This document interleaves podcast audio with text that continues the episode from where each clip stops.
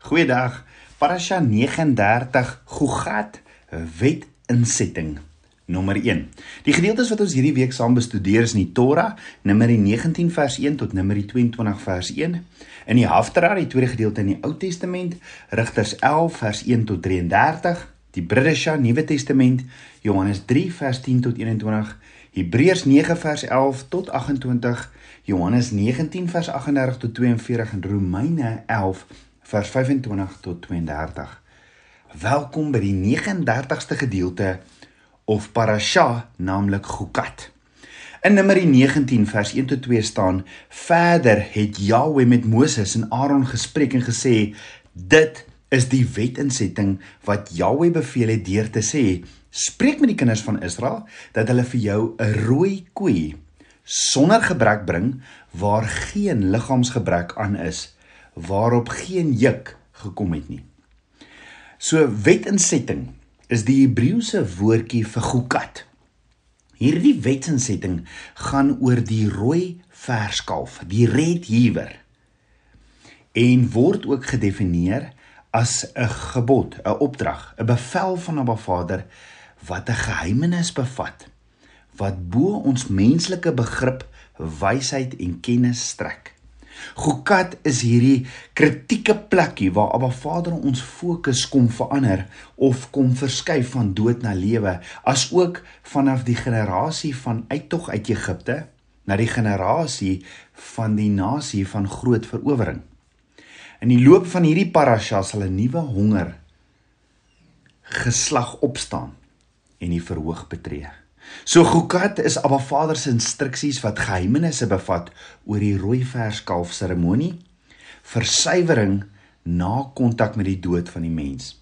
Hierdie lesing bevat ook die verhaal van Moses wat die rots slaan, die verhale van Aaron en Miriam se afsterwe en die oorloë met die Amorite.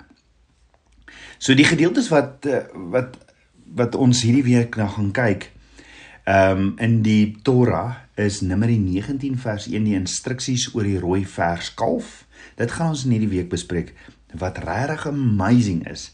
Die instruksies oor die rooi vers kalf en dalk teken Vader vir ons 'n prentjie van wat by Golgotha en presies waar Yeshua gekruisig is. Numeri 20 vers 1 die waters of Meribah by die waters van Mariba Numeri 20 vers 14 die deurgang deur Edom word geweier. Numeri 20 vers 22 afsterwe van Aaron. Numeri 21 vers 1 die koperslang. Numeri 21 vers 21 koning Sihon word verslaan en Numeri 21 vers 33 koning Og word verslaan. Die gedeelte in die Haftarah wat in die week saam bestudeer word, is die verdere gedeelte in die Ou Testament behels Rigters 11 vers 1, Jefta die Gilead, Gileadit, 'n dapper held en Rigters 11 vers 29, die gees van Abba Vader op Jefta. Die gedeelte in die Bridesha wat ook saam bestudeer word, sien ons behels Johannes 3 vers 10, Yeshua onderrig Nikodemus. Hebreërs 9 vers 11, Yeshua as hoëpriester. Johannes 19 vers 38 begrafnis van Yeshua en Romeine 11 vers 25 die verlosser. So ons gaan Numeri 19 die die rooi vers kalf, die redhiewer net so bietjie los vir later in die week.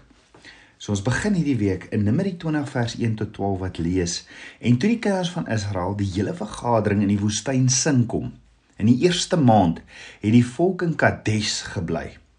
En Miriam het daar gesterwe en is daar begrawe. En daar was geen water vir die vergadering nie.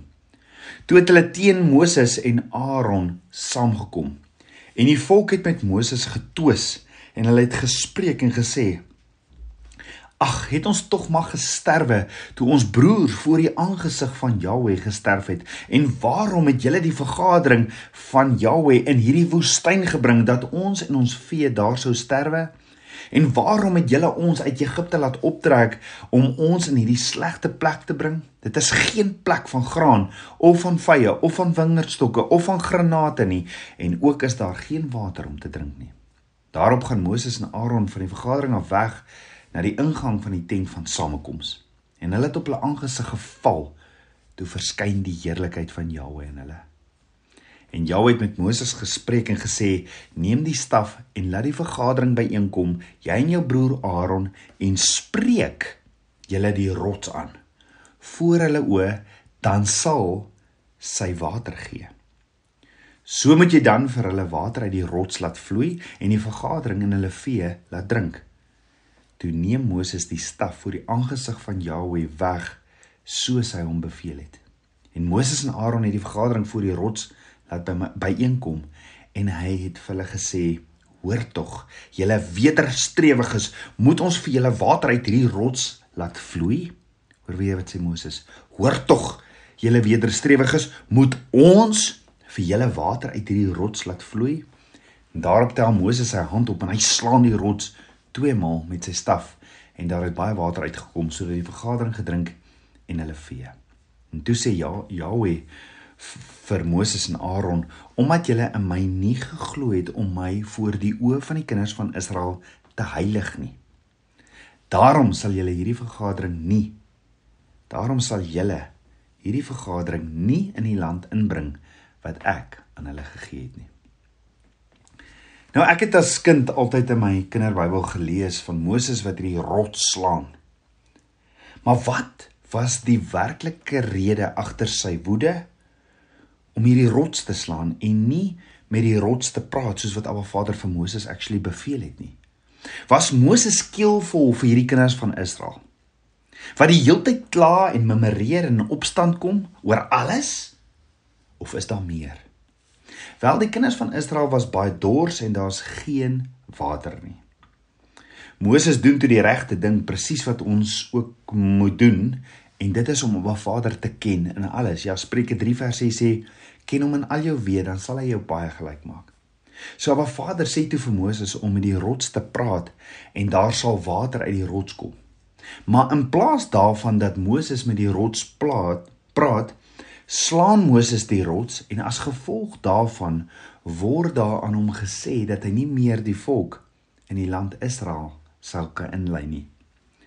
Waarom so 'n uh, onskynlike onbenullige optreding teer deur Moses met so 'n drastiese gevolg. Is dit nie een van die mees verborgenhede in Abba Vader se woord nie? Hoe hartseer was ek nie as kind om te weet Abba Vader roep vir Moses om die kinders van Israel te gaan verlos in Egipte. Lei hulle vir 40 jaar deur die woestyn na die beloofde land toe, maar gaan self nooit die beloofde land in nie. Net so kan ons ook vra Maar waarom het Moses die rots geslaan as hy die nederigste en die barmhartigste man op aarde was? Ek meen Moses doen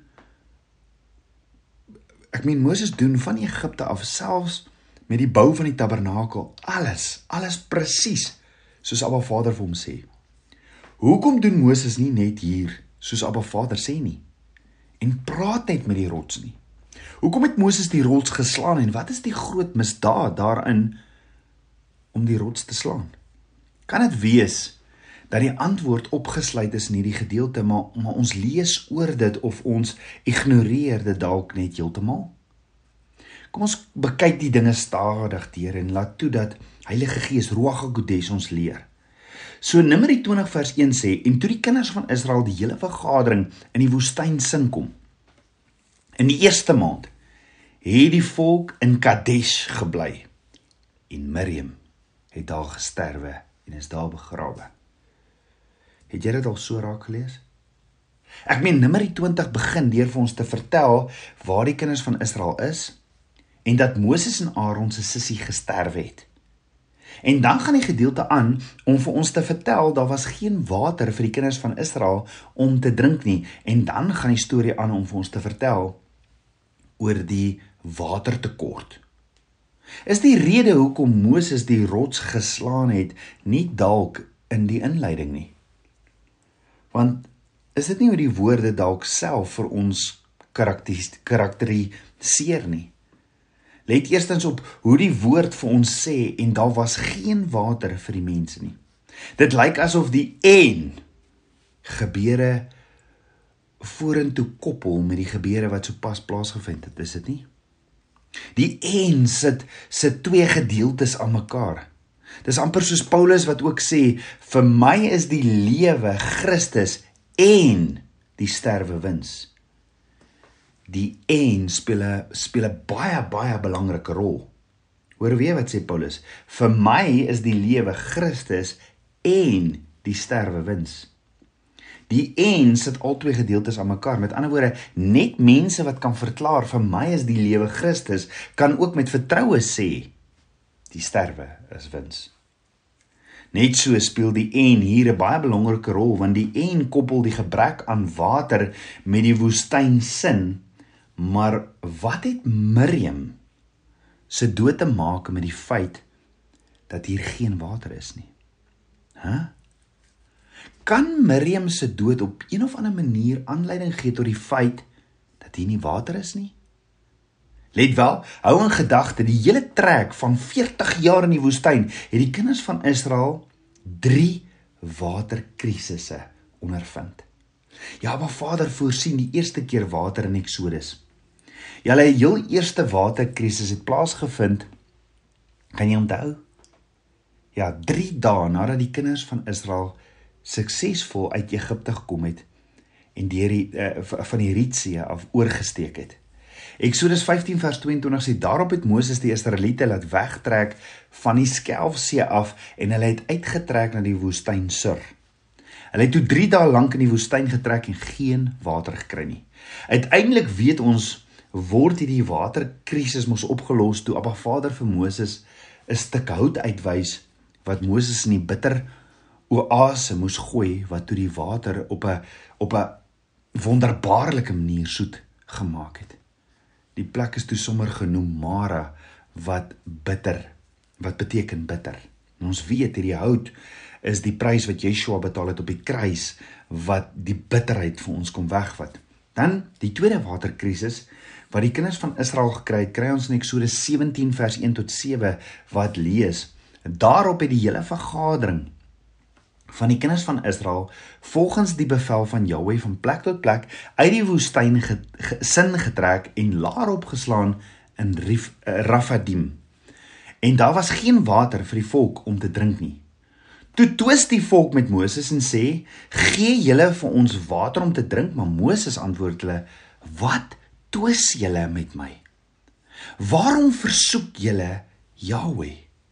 Maar die volk het daar gesmag na water en die volk het teen Moses gememoreer en gesê: "Waarom het U ons dan uit Egipte laat optrek om my en my kinders en my vee van dors te laat omkom?"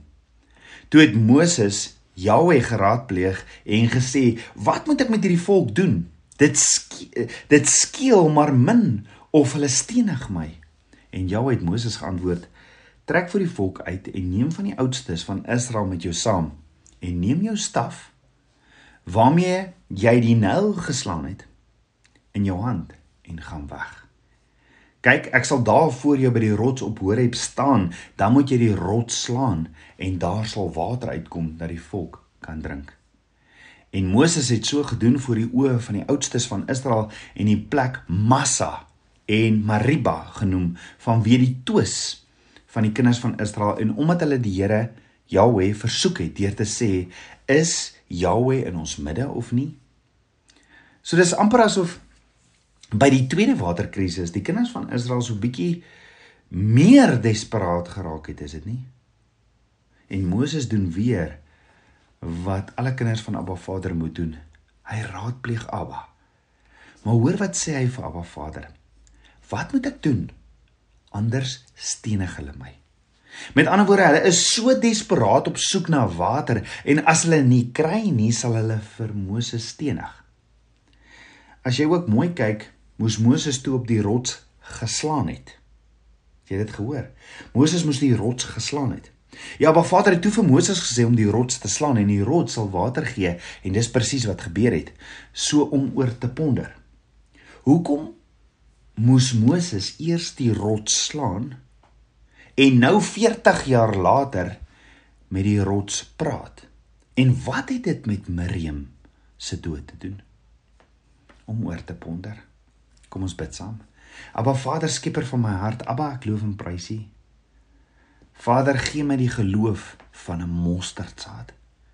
Vader, al sien ek nie in die natuurlike die voorsiening nie, weet ek U is 'n God wat voorsien en U is 'n God wat beskerm altyd. Dankie dat U my nooit sal begewe en my nooit sal verlaat nie. Dankie dat U my leer en dat U my alles sal leer en dat U oë op my is. Dankie vir lewende water. Meer en meer van U geheimenisse asseblief Papa God. Ek vertrou U met my hele hart. Ek bid dit alles in Yeshua Messie se naam, die seun van Jahweh. Amen. Shalom.